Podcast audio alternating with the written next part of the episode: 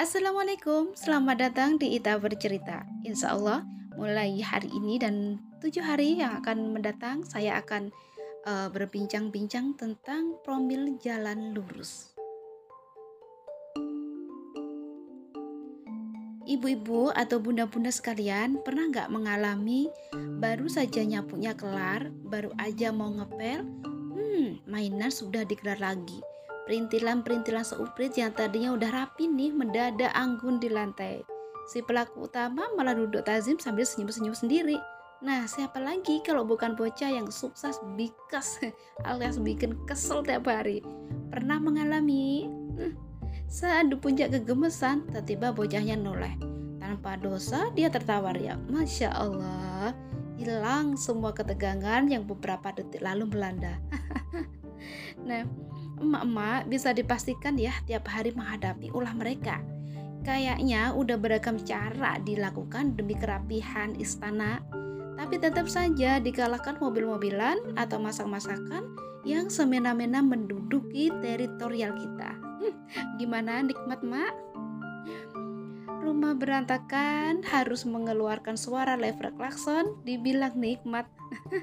sabar ya, sabar Palingan tingkah menjengkelkan dan heboh minta perhatian itu hanya ya hitungan tahun saja. Ketika mereka nginjak remaja, bisa jadi kita yang malah sok kenal, sok dekat, sok kepo dengan dunia mereka. Ya Pak, ya, ya, ngaku kan? Hmm. Nyadar gak sih, di belahan rumah lain ada barisan istri yang termehek-mehek, pengen ngerasain gimana sih rempongnya beresin mainan.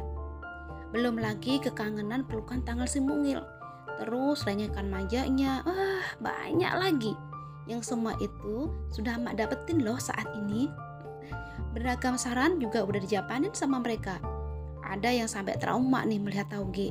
Ampun, tiap hari disuruh makan tauge. Lidah udah kayak mati rasa aja gitu. Ada juga yang minum berbagai vitamin. Akhirnya subur beneran. Pas timbang badan, jarum angkanya serasa pengen dipatahin. Naik drastis saudara. Apa nggak shock? Itu belum seberapa ya. Kalau ngumpul dengan orang-orang yang lama tak berjumpa, pertanyaannya bikin ngenes. Mana nih anaknya? Pacaran mulu malah ki, kapan punya anak? Ada lagi yang kayak gini. Makanya yang rajin dong bikinnya. Eh dah, dikira ya kayak bikin donat aja diadonin, dilubangin terus goreng. Kasih topping aneka rasa. Eh, ini bayi manusia loh, bukan makanan. Idi, gerem kan ya, gerem-gerem. Nah, tapi wae para istri, wol saja ya, masih ada banyak jalan menuju Roma. Nah, berangkat dari ketersiksaan hati istri, saya insya Allah akan mengupas jalan program hamil.